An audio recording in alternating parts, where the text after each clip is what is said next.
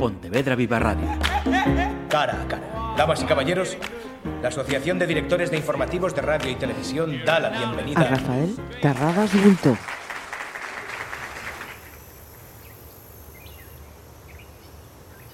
...1939...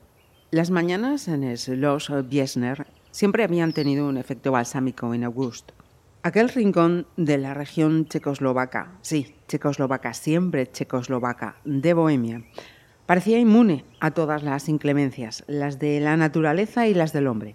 Su castillo llevaba siglos asentado allí, con su aspecto recio y sólido, tan arraigado a la tierra fértil del corazón de Europa como las montañas que se veían a lo lejos. Planta cuadrada con un torreón redondo en cada esquina, paredes de piedra y ladrillo rojizo en las que se abrían ventanas, las más viejas pequeñas, las de tan solo un siglo mayores. El jardín también tenía varios siglos, lo suficientes para que cualquier novedad, cualquier árbol que se replantara, cualquier nuevo parterre o folí, destacara en un entorno en el que la distinción venía dada por la historia secular de cada elemento del paisaje. El foso que rodeaba la edificación, con sus aguas quietas y verdes llenas de ranas, no retendría al enemigo esta vez. Eran las siete de la mañana y desde su habitación del primer piso observaba secarse la humedad que cubría los prados, mientras la niebla que causaba también desaparecía poco a poco, desvelando los detalles de la propiedad. Tenían otra casa en Praga, pero su familia pertenecía a aquellas tierras. Cuatro siglos ya. Cuatro siglos de convivencia con las aldeas y villas cercanas, con el vecino Schloss Blanc, que lindaba con su finca, resistiendo los embates del continente, tantas veces en guerra, con imperios que aparecían y desaparecían, coronas que cambiaban de dinastía, tierras que iban de unas manos a otras, y sin embargo creía que el mal que acechaba era el peor que a su castillo le había tocado soportar, el único que les iba a hacer huir. Su mujer no había dormido en toda la noche, pero seguía intentándolo, echada en su cama, con los ojos cerrados, sin poder contener las lentas lágrimas que cada poco recorrían sus mejillas. La conocía bien. Se despertaría, se erguiría y lo organizaría todo para la partida sin quejarse, pretendiendo que aquel no era uno de los días más tristes de sus vidas. Se anudó la bata y salió al pasillo que recorría la planta noble, con las habitaciones a un lado y la barandilla que lo separaba del piso inferior al otro. Había empezado a cubrir con sábanas los muebles el día anterior y escondido la plata y objetos de valor en los sótanos. Saldrían ese mismo día, pero los preparativos para que el castillo dormitara durante su larga ausencia iban a llevar al menos dos días más. En ello estaban ya algunos de los sirvientes que vio trajinar en la planta baja. Tres enrollaban la gran alfombra del vestíbulo en aquellos momentos. Se acercó al Rubens, demasiado grande para esconderlo bien e imposible de llevar consigo. Luego miró el retrato de su familia, obra de Winterhalter, que, con el mismo problema, también tendría que esperar allí. El día anterior se habían repetido los unos a los otros que lo material no importaba, que lo importante eran ellos tres, que estarían perfectamente bien y que, si alguien lograba acabar con su ancestral castillo, se harían uno más bonito y nuevo en otro lugar. Mentiras para animarse unos a otros, pues aquellas paredes formaban parte de su piel, de sus recuerdos y de su corazón. Se llevarían lo que pudieran. Seis camiones aguardaban ya cargados para partir hacia el este. Allí el plan era embarcarlos a Francia, a donde ellos intentarían huir. Ya era tarde, pero intentaban no atormentarse con esa certeza. Cuando Checoslovaquia fue ocupada, deberían haber huido, haberlo dejado todo atrás y escapado lejos cuando aún era fácil hacerlo. La sangre orgullosa y noble, la dignidad de una familia que jamás había huido era la culpable de que hubieran decidido aguantar, la culpable de que aquel día tuvieran que huir. Eran judíos. Se acercó a la habitación de Saúl, su único hijo. Tenía cinco años y ya entendía las cosas. Sabía que estaban haciendo las maletas y que en aquella ocasión la alegría de viajar no estaba presente, no era como cuando iban a Viena y se subían a la noria del Prater, o como cuando iban a Croacia y se bañaban en sus playas. August lo encontró despierto y vestido. Le acababan de dar el desayuno y jugaba tranquilo en su habitación, iluminada por los rayos dorados que se colaban entre los visillos de las ventanas. ¿Ya nos vamos? dijo mirándole. Sí, ya falta poco, antes de comer, respondió él. ¿Dónde comeremos? Renata ha hecho una cesta con muchas cosas deliciosas. Podrás comer en el coche. Quizás encontremos un prado bonito para hacer un picnic. Tal vez lo hicieran, pero lo importante era que llegaran a Whittingau lo antes posible. Desde allí cruzarían la frontera con un grupo y empezarían su camino hacia París. Revolvió el pelo rubio y fino de su hijo y reía cuando su mujer apareció en el umbral de la puerta. Atalia sonreía como sonríen las personas cansadas y tristes pero aún en pie. Había adelgazado y estaba ya vestida de viaje como hacía días, pues en su cabeza ya llevaba varios huyendo. Un abrigo largo con los puños y el cuello de piel de zorro tapaba lo que fuera que llevara debajo. Desde la invasión siempre parecía tener frío y sus ojos verdes brillaban como si estuvieran conteniendo las lágrimas. Su nariz era pequeña y chata y sus labios carnosos, justo al contrario de lo que los nazis suponían de los judíos. Tenía el pelo casi albino, cortado a la moda garzón. No llevaba joyas, tan solo un reloj de pulsera de oro blanco que miró un instante. Era una mujer elegante, siempre lo había sido. Ya desayunado, me gustaría partir cuanto antes, dijo escueta. Saúl ya está listo, su equipaje está en el coche. No tardo nada, dijo August, desayunaré rápido. Por favor, ya hemos esperado bastante, recordó ella.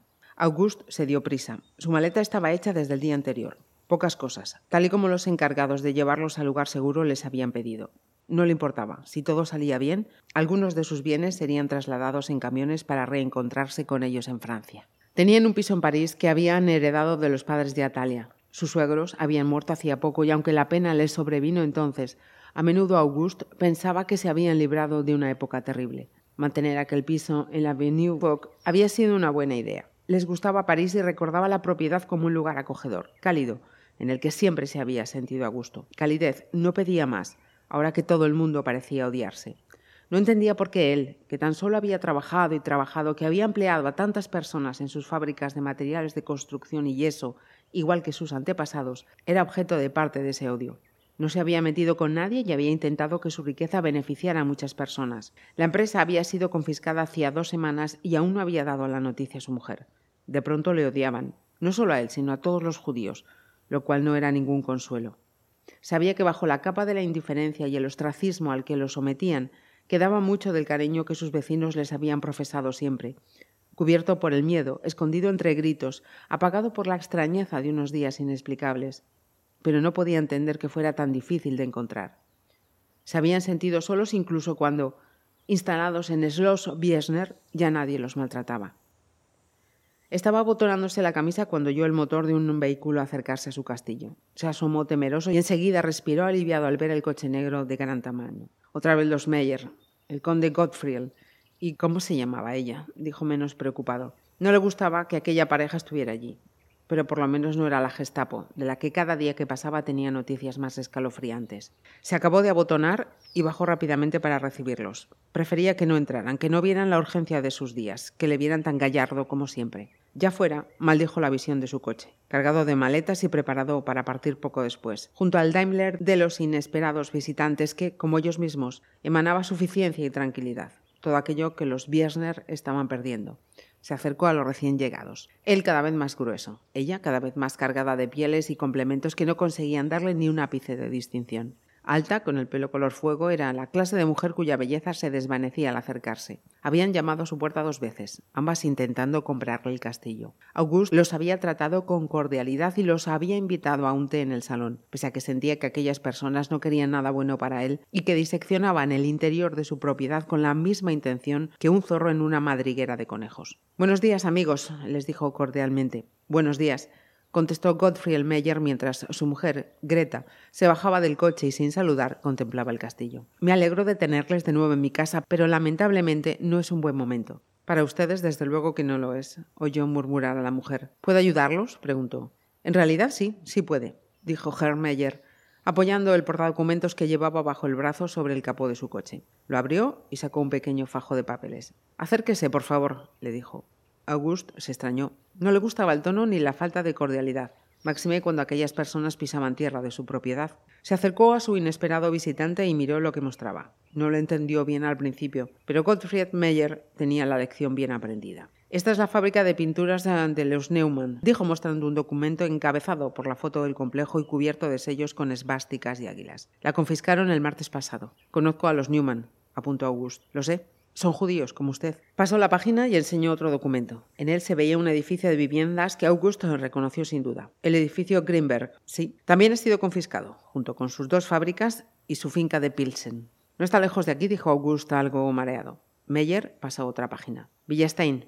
Esta es una de mis favoritas. ¿Qué le ha pasado? Amigo mío, pues lo mismo que a todas las propiedades judías. Ustedes no tendrán nada. Le miró unos segundos. El odio se mostraba con más fuerza tras su sonrisa de que lo que hubiera hecho con una paliza. Nada, dijo pasando página. Este lo reconocerá. Schloss Troller. Está a pocos kilómetros de aquí, dijo August. Le cambiarán el nombre, puede estar seguro. Los Troller. Han sido reubicados y su castillo. Bueno, esto empieza a ser repetitivo.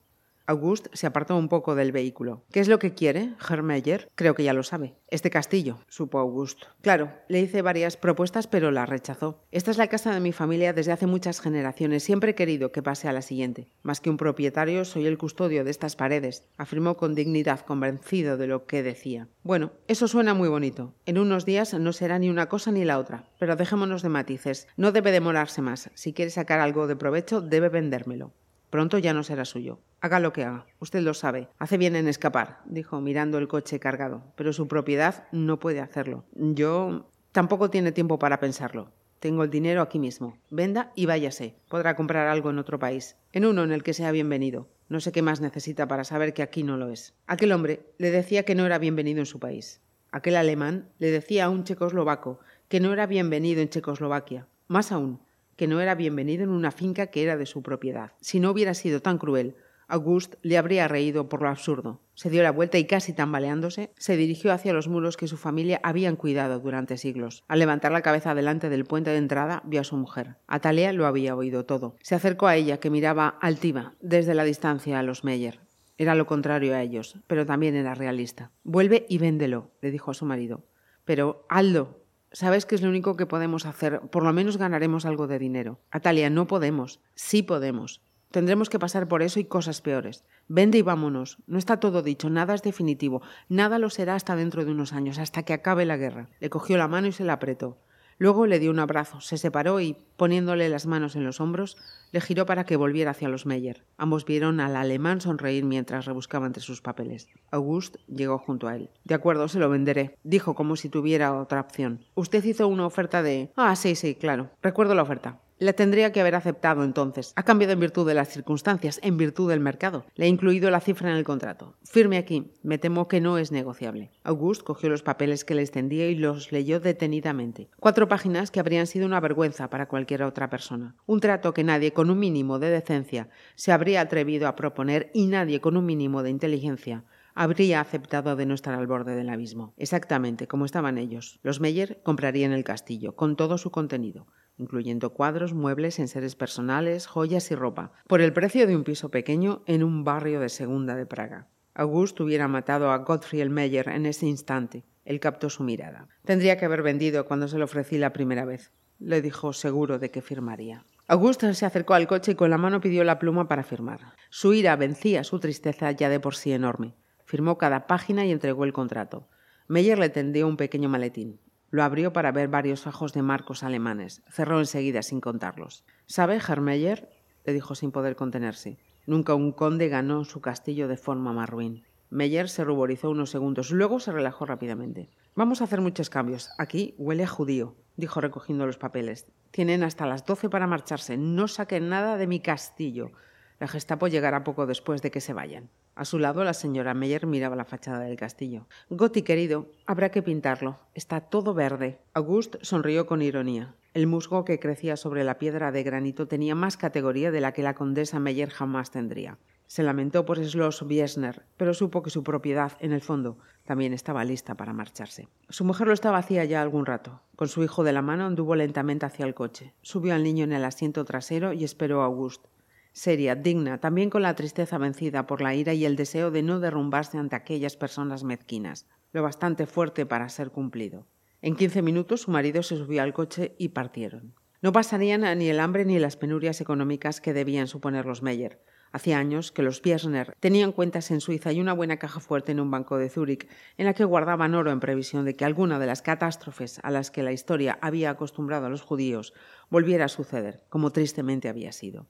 Los sentimientos no se podían comprar, ni la pena por lo perdido amainarse, pero por lo menos vivirían desahogadamente, aunque no hasta que llegaran a Francia. Condujeron hasta el punto acordado a las afueras de Wittingau, una granja que parecía abandonada pese al bullir de actividad.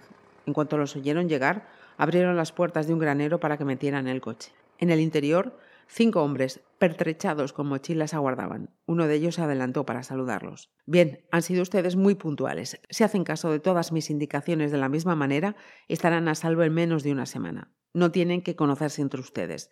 Los guías decidirán cada paso. No los discutan. No lo hicieron durante siete días, en los que alternaron angustiosos viajes en tren en los que en más de una ocasión les pidieron sus papeles, falsos por supuesto, con pequeños trayectos en coche. Por suerte, sus facciones eran todo lo contrario a lo que los nazis esperaban encontrar en unos judíos y su alemán perfecto. Con todo, de ser descubiertos sin la estrella de David amarilla cosida a la solapa, obligatoria para que los judíos fueran identificados, habrían sido castigados duramente, fusilados en el acto incluso. La ruta describía una curva para evitar entrar en Austria y Alemania. Atravesaron Eslovaquia hasta Komarno, donde cruzaron el Danubio en barcaza para llegar a Hungría. Desde allí fueron en tren hasta Eslovenia, que bordearon hasta el norte de Italia. A su paso, cada país, cada pueblo y territorio parecía estar preparándose para la guerra, para continuarla, para ir a ella o para defenderse. El ambiente era tan tenso que no era difícil convenir que el mundo se estaba volviendo loco.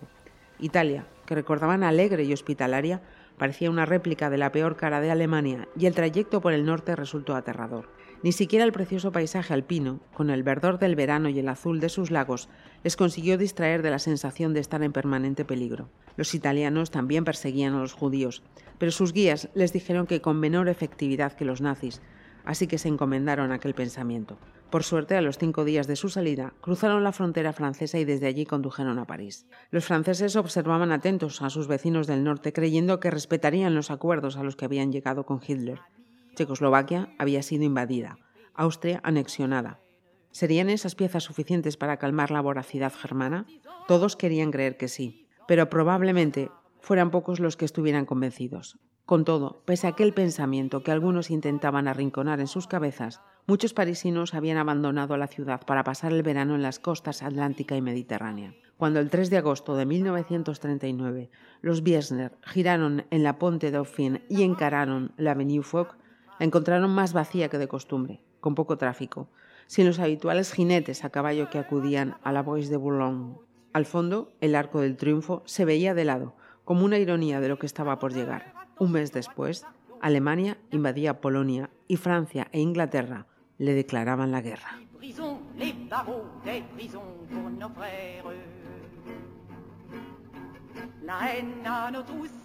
Saludamos a Rafael Tarradas Bultó. Gracias por atendernos. No, gracias por invitarme. ¿Cómo estáis? Um, vienes, como se dice en este país, de, de, buenas familias. Esto de que en las entrevistas te hagamos referencia a tu árbol genealógico, ¿te, te aburre, te molestas, agradece? ¿Cómo lo llevas?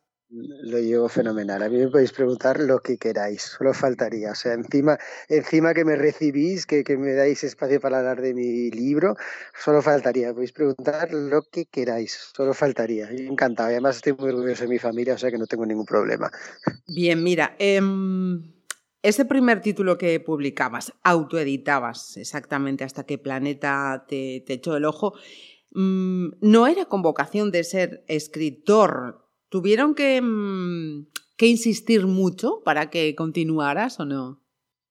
Mira, a ver, realmente el, el primer libro, eh, ya sabes, o sea, yo lo imprimí para, y lo imprimí para mi familia, que pasa que mi familia es mucha gente, entonces me dijeron, oye, eh, ponlo en un sitio donde nos lo podamos descargar, y lo colgué en un portal muy conocido, y de ahí se empezaron a descargar. Y entonces, eh, cuando fui a ver las estadísticas, resulta que había vendido muchísimos, y el mismo día me contactaron de Planeta, por Instagram para decirme, oye, si quieres publicar con una grande, por favor, llámanos.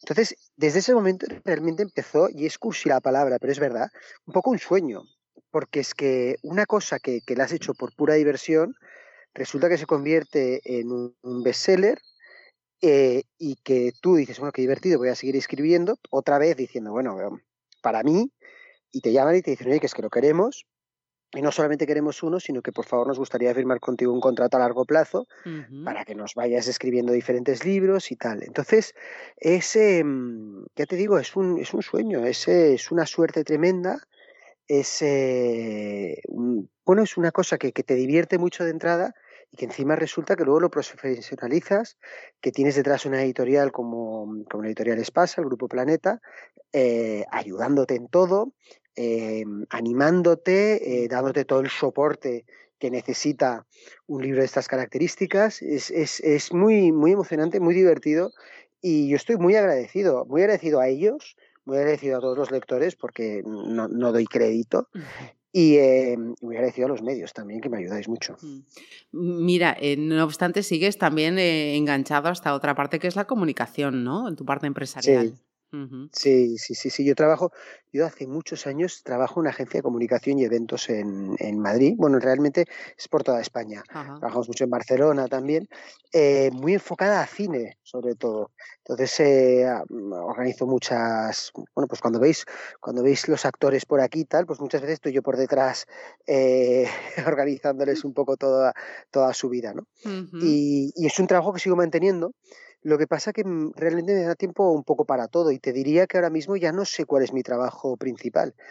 Casi, casi igual la, la, escritura. Ajá. Eh, sí, creo que ahora, ya, que ahora ya soy más escritor que, que relaciones públicas. Em, vamos a entrar con la voz de los valientes. ¿Podemos llamarla mm, novela secuela del heredero? Aunque también tengo que decir, para quienes mm, todavía no, no hayáis leído este último título, que se leen las dos independientemente y nadie se, pierde nada. Pero, ah, ¿podríamos llamarla secuela? Eh, mira, yo creo que no. O sea, es, o sea, es un. Em, recupera algún personaje del heredero, sí. pero eh, es, es, te diría que es imposible que, que, nadie se pierda con nada que, que, haya salido en el heredero que no salga en esta, ¿no? Eh, y además recupera a, algunos personajes, si quieres, un poco secundarios del heredero. O sea, no los principales no, no, no salen otra vez. Entonces, sí que es verdad que tiene, mm, que tiene tintes parecidos, tiene, tiene cosas que, se asemejan, pero también mi libro, mi libro, mi segundo libro, El Valle de los Arcángeles, tenía también este tipo de, idea, ¿no? O sea, al final mis libros hablan un poco, el otro día me lo, lo, reflexioné y creo que es, que es así, sobre mundos que se acaban. Por un lado, el primero hablaba del mundo de la guerra civil, que, la guerra civil cambió España totalmente. Luego, el segundo hablaba sobre plantaciones de azúcar en, Cuba, con todo el tema de la esclavitud, que eso se acabó también. Y este habla sobre la Segunda Guerra Mundial. ¿no? entonces se centra además en la élite alemana durante esta época. Y es, em, ellos están en los últimos días del Imperio Romano realmente y no se dan cuenta. Ellos no lo saben ellos se piensan que van a ganar. Y están convencidos que son el pueblo elegido, ¿no? Y que, y que, y que, que, vamos, que no hay ni media duda. Y están encallados en Stalingrado y, y están todos de celebración porque nadie lo sabe. ¿eh? Entonces es, es, ese, ese, tinte así como de, de, de que el lector lo sabe, que está viéndoles celebrar y dice, no lo celebres tanto que, que, estás perdiendo. eso es. ¿Sabes? Sí, sí, sí. Eh, pues, pues esto, esto los tres libros lo tienen. Entonces se parecen un poco en, en, en, este en este ambiente. Y luego también en lo de llevar a los personajes al extremo, ¿no? A mí eso me interesa mucho, el, el, el personaje enfrentado a un momento muy crítico, ¿no? Porque es cuando realmente saca lo que lleva dentro. Y, todos sabemos que, en esta época, pues la Segunda Guerra Mundial, eh, la gente sacó mucho lo que tenía dentro. Y fueron cosas muy buenas algunos y cosas terribles otros, ¿no? y, de eso habla el libro también, de, héroes y villanos.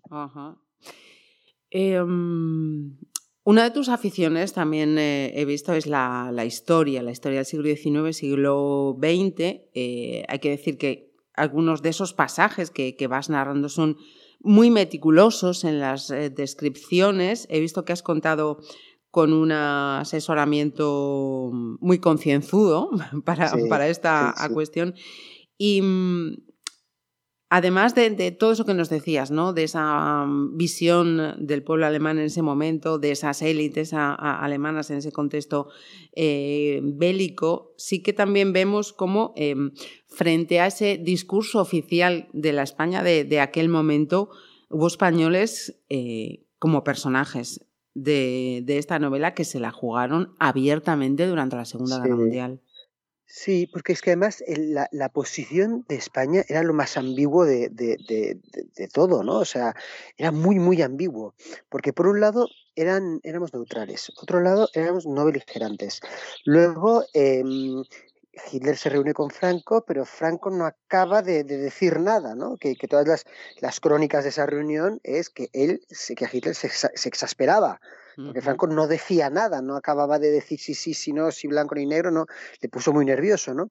Y entonces este, este que sí, pero no, es, el, es, es, lo, que, lo, que, lo que hizo el régimen, ¿no? Entonces, em, por ejemplo, cuando hablo de, la, de, los, de los que ayudaban a cruzar a los, a los, eh, a los judíos, a los perseguidos por la frontera, los, los sacerdotes españoles, em, ellos en el fondo el gobierno lo medio sabe que están haciendo esto, pero no lo pueden hacer muy, muy, muy, eh, muy en voz alta. ¿No? Porque no pueden enfadar tampoco a los otros.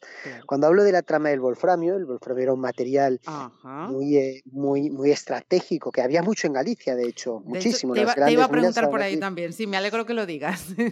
Sí, sí, sí, sí, claro, las grandes minas de wolframio están en Galicia. Pues este material estratégico lo querían los alemanes para los blindajes, ¿no? Lo querían, los aliados también lo querían, lo que pasa es que los aliados tenían acceso a todo el imperio británico, que a los alemanes no y entonces lo encontraron en España y lo querían, ¿no? Entonces, eh, los españoles, el régimen, vende a los ingleses, bueno, a los aliados y a los alemanes, ¿no? Entonces está jugando todo el rato un poco a, dos, bandas, ¿no?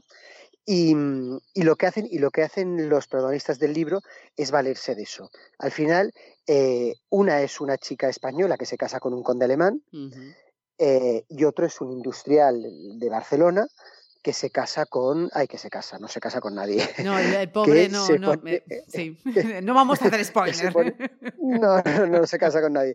Sé que empieza a vender sus productos en Alemania. Y entonces, claro, de entrada, nadie se imagina que una mujer condesa alemana vaya a ser una disidente y está ayudando a los judíos a través de su castillo a escapar hacer un corredor seguro hasta España, ¿no? Nadie se lo imagina, porque de entrada es una condesa alemana y además viene de un país que es, que, es franquista, entonces que imposible, ¿no? Y lo mismo con el industrial, ¿no? Como un industrial que luchó con Franco va a ser antinazi, pero es que esta gente existía, esta gente existía. Entonces, no, no, aceptar una cosa no quería aceptar la otra, no, decir, no quería decir aceptar la otra. El gran héroe español, uno de los grandes héroes, hay muchos héroes anónimos, pero Ángel Sambriz, que es el embajador de España en Hungría, sacó a más judíos que Schindler. Caramba. Y era un embajador franquista. ¿No? Entonces, este era un disfraz muy bueno. Entonces, el, el, el, em, el juego este, la ambigüedad esta, eh, funcionaba muy bien. Y, y, es, y los personajes de la novela se valen de esta ambigüedad.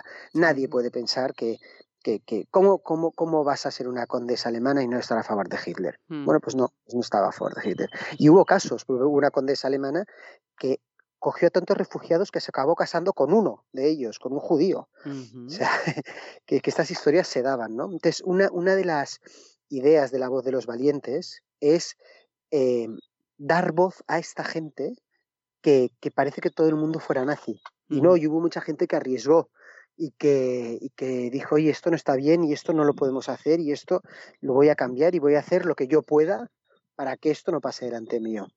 Y me parece muy bonito pensar que hubo gente que lo hizo. Sí, sin duda, sin duda.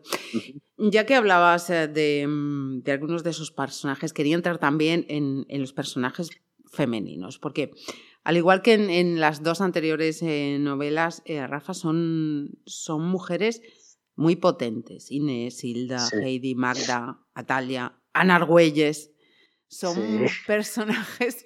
Yo, con, con Ana Argüelles tengo una especial debilidad, te lo tengo que decir. O sea, me encanta. Tuve muchos, ¿eh? Tuve muchos. me encanta. Em, son, son personajes eh, totalmente empoderados, ya que está tan en boga ese, ese término en este momento y estamos hablando, pues fíjate, del siglo pasado. Sí, claro, es que ¿sabes lo que pasa? Que el, las mujeres, las mujeres en, esta época, sobre todo las mujeres de clase alta, que es un poco el tipo de, mujer de este, de este, de este libro, em, parecía que estaban destinadas realmente a tener hijos, cuidar de la casa y ir a fiestas, ¿no? Y, entonces por eso, cuando le das una fuerza así a una de estas mujeres que existieron, que existieron, hubo muchísimas, eh, parece más impresionante todavía, ¿no? Y parece que es un personaje más redondo todavía. Y, mm, en este libro salen eh, mujeres espías, por ejemplo. Las mujeres espías funcionaban fenomenal. ¿Por qué? tenían dos ventajas. Una es que llevaban el disfraz puesto ya de entrada. Porque los hombres eran tan tontos que pensaban que solo por ser mujer eh, no podía hacer nada así como muy importante. Y luego encima volvían a ser tan tontos que alardeaban delante de ellas. Entonces las mujeres eran espías fabulosas, porque es claro, nadie, nadie se lo podía imaginar y encima los charlatanes soltaba, se soltaban más la lengua con ellas. Es que era perfecto. Y, y, esto los dos lados lo, lo, lo, lo aprovecharon mucho.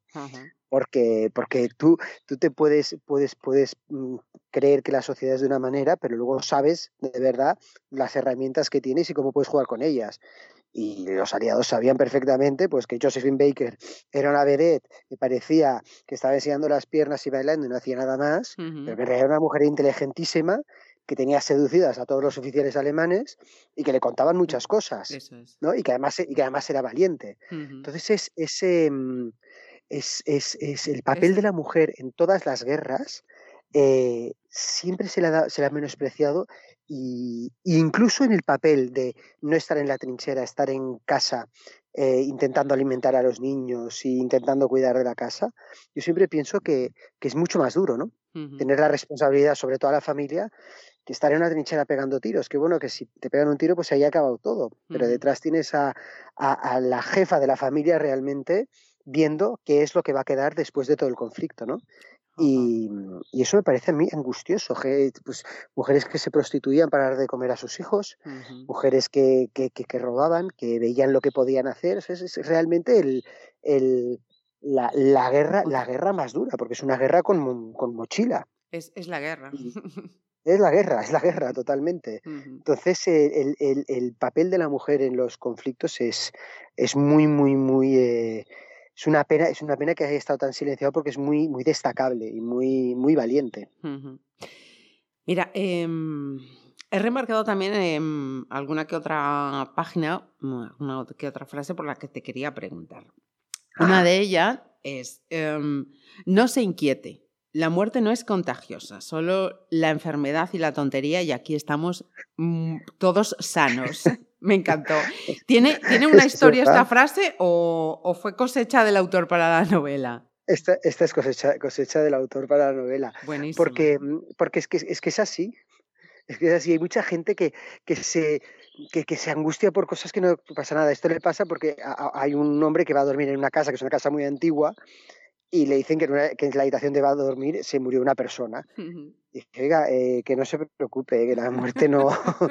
el problema no es este. O sea, sería mucho peor que estuviera rodeado de tontos o que, ¿sabes? Que, que, que, que esto justo no le dé no le dé importancia. los muertos ya no le van a molestar, ¿no? Es un poco la, la, la, la, conclusión de eso, ¿no? no, no, se preocupe por cosas que no hay que preocuparse. Mira, y me voy a la página 666. Dejemos a un, lado el significado, pero em, e, ese párrafo me parece que es mm, brutal. Em, habla Heidi. Dice, recuerda a los que arriesgaron, a los que se enfrentaron, a los que murieron por el bien. Recuerda a los que no se agazaparon, a los que supieron querer en tiempos de odio. Prométeme eso, recuerda lo importante. Es en tiempos como estos cuando la vida nos hace elegir y al elegir nos definimos. De nada vale ser bueno de corazón si no se es bueno también con las manos. De nada sirven las buenas intenciones si se quedan en eso. Qué fácil es blanquear, blanquear perdón, el mal cuando no queremos enfrentarnos a él. Qué sencillo apartarse de lo difícil. Qué fácil las buenas palabras y qué difíciles los buenos. En fin, hay, hay más páginas y ahí la última frase, precisamente, em, ¿La decimos o la dejamos ahí? Porque... Mm, dila, dila sin problema. Eh, la última frase dice, no me recuerdes solo a mí, recuerda el grito de la bondad, recuerda la voz de los valientes. Eh, en ese párrafo, Rafa, em, está el concepto de valentía. Sí, es, el, el, concepto de mojarse, al final, de, decir, eh, no todo vale. O sea, em, cuando, cuando eres valiente, pasas malos ratos. Pasas malos ratos y te, y te enfrentas a cosas pero luego eres mejor persona y los problemas se hacen, no, se hacen tan grandes. O sea, ¿cuántas veces nos pasa que estamos en, da igual, en la, situación más tonta, ¿eh? en una mesa, y alguien dice algo que no estamos de acuerdo y nosotros nos callamos y cuando volvemos a casa tenemos como una cosa en la barriga diciendo, ah, esto tendría que haber dicho algo y aquí tendría que haber hablado, qué mal que no lo he hecho, ¿no? Eh, pues es un poco eso y, sobre todo el, valorar los hechos, ¿no? A que yo no tengo malos pensamientos, bueno, pero tienes buenos actos. Bueno, si tienes buenos actos, tus pensamientos, pues oye, mm, pues no los ejecutas, ¿sabes? O sea, hay que ejecutar los, los, actos, ¿sabes? Hay que, hay que, hay que si no, es que es súper bueno, no, no, no, nunca se enfada con nadie. No, pues, pues no, lo que es un, es lo que es un, es un cobarde. Porque, porque, hay que, porque hay que enfadarse y que decir, oye, hay un momento dado que, que, que una, una, una, persona le dice a otra persona en el libro, oye, le ve usted indignada, siga con esta indignación, porque la tristeza le va a dejar parada, pero la indignación le hará actuar. Eso es. Y es verdad. Eso es. Y es verdad. Entonces, tenemos que, tenemos que, que, acostumbrarnos a que, a que no pasa nada por discutir, a que no pasa nada por defender nuestras ideas, a que tenemos que, que hacernos valer, ¿no? Y, y, y, que, sí, no, tenemos muy buenas, muy buenas intenciones ya, pero que si son intenciones. Ahí se no no hay más, claro, claro. ¿Sabes? O sea, ejecuta. Eso es, acción, pasa la acción. Acción, por favor, exacto. Sí, sí, sí, es un poco, es eso, la voz de los valientes realmente habla sobre esto, sobre, sobre los que los que se hicieron, los que hicieron, los que se hicieron escuchar. Los que dijeron, oye, eh, yo esto no estoy de acuerdo y sé que acabaré en un campo de concentración, pero nadie podrá decir que yo vi que pasaba esto y no hice nada. Efectivamente. Y, es, y, eso, y eso es bonito y es como tendría que ser la humanidad en realidad. Mm, poco cuesta. Poco pues pensarlo, ¿verdad? Pensarlo, pensarlo. ¿eh? Mira, em, creo que em, al menos hay otro título ya pendiente. ¿Estás en ello? Sí, sí, sí, sí, sí, sí, sí, sí, estoy, estoy en ello ya. Eh, yo no paro de escribir. Es que cuando, cuando acabo un libro, tengo una sensación muy parecida a la que tienen los lectores. O sea, esta sensación como de añoraña, de. Ya se me acabó. Este personaje y no sabré nada más de él, tal. Pues esto, imagínate si encima lo has, lo has dibujado tú el personaje. Entonces, que yo digo, bueno, ya está, voy a descansar ahora, tres meses sin escribir, tal. Y la realidad es que al cabo del tercer día vuelvo a estar tecleando. Porque mm. es que, porque lo necesito ya en mi, en mi, en mi día a día, ¿no? En crear tal, sí, es como una salida a la creatividad y, mm, y, a mí me es muy importante y me parece que es un privilegio tremendo pues tener el respaldo que tengo de, de, de, de todo, claro, de, la editorial, de los lectores, de, los medios, por supuesto. Em, entonces no sería, sería muy tonto desaprovecharlo.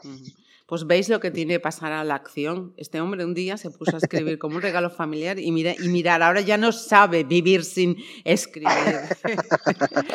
Rafa, para... Exactamente, exactamente. Para terminar, que sé que, que andamos todos dándote mucho la, la, lata, quería hacerlo de una forma muy, muy liviana. Y además mm, tenemos ese trino de pajarillos que digo yo, mira qué idílico nos está quedando. Sí, sí, sí, sí, sí, sí, sí, sí, sí, estoy al lado de, una pajarera y una fuente. Entonces cuando paso por el lado de la fuente pienso que todo el mundo debe pensar que estoy haciendo pis y cuando paso por el lado de, la pajarera que estoy en medio de la selva.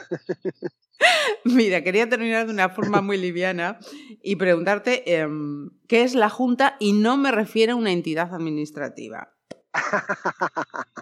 Pues mira, la Junta es un, eh, un grupo que tengo de amigos que le puse en la junta porque realmente veníamos todos un poco de su padre y su madre. No teníamos por qué haber sido amigos, pero nos juntamos porque mm. hubo una serie de circunstancias que nos juntamos todos y, y nos hicimos amigos. Y, y la verdad que es un grupo, bueno, a ver, o sea, no, no, un grupo que sí que es verdad que hay mucha, muchos amigos que son como muy populares y yo no soy nada popular, pero mis amigos lo son estos mucho, también tengo muchos otros que nadie conoce, pero, pero bueno, que es un privilegio. Al final, eh, oye, cuantos más amigos, mejor, ¿no? Y cada amigo te aporta una parte diferente y, y, y, por supuesto, pues mira, al final también encontrarte a gente que inesperada, con la que te llevas bien, que, son buenas personas, que, se, que te apoyan en, en, lo que haces, que se ilusionan tanto como tú y tal, pues, pues siempre, siempre es muy agradable, sean o no sean populares. Efectivamente.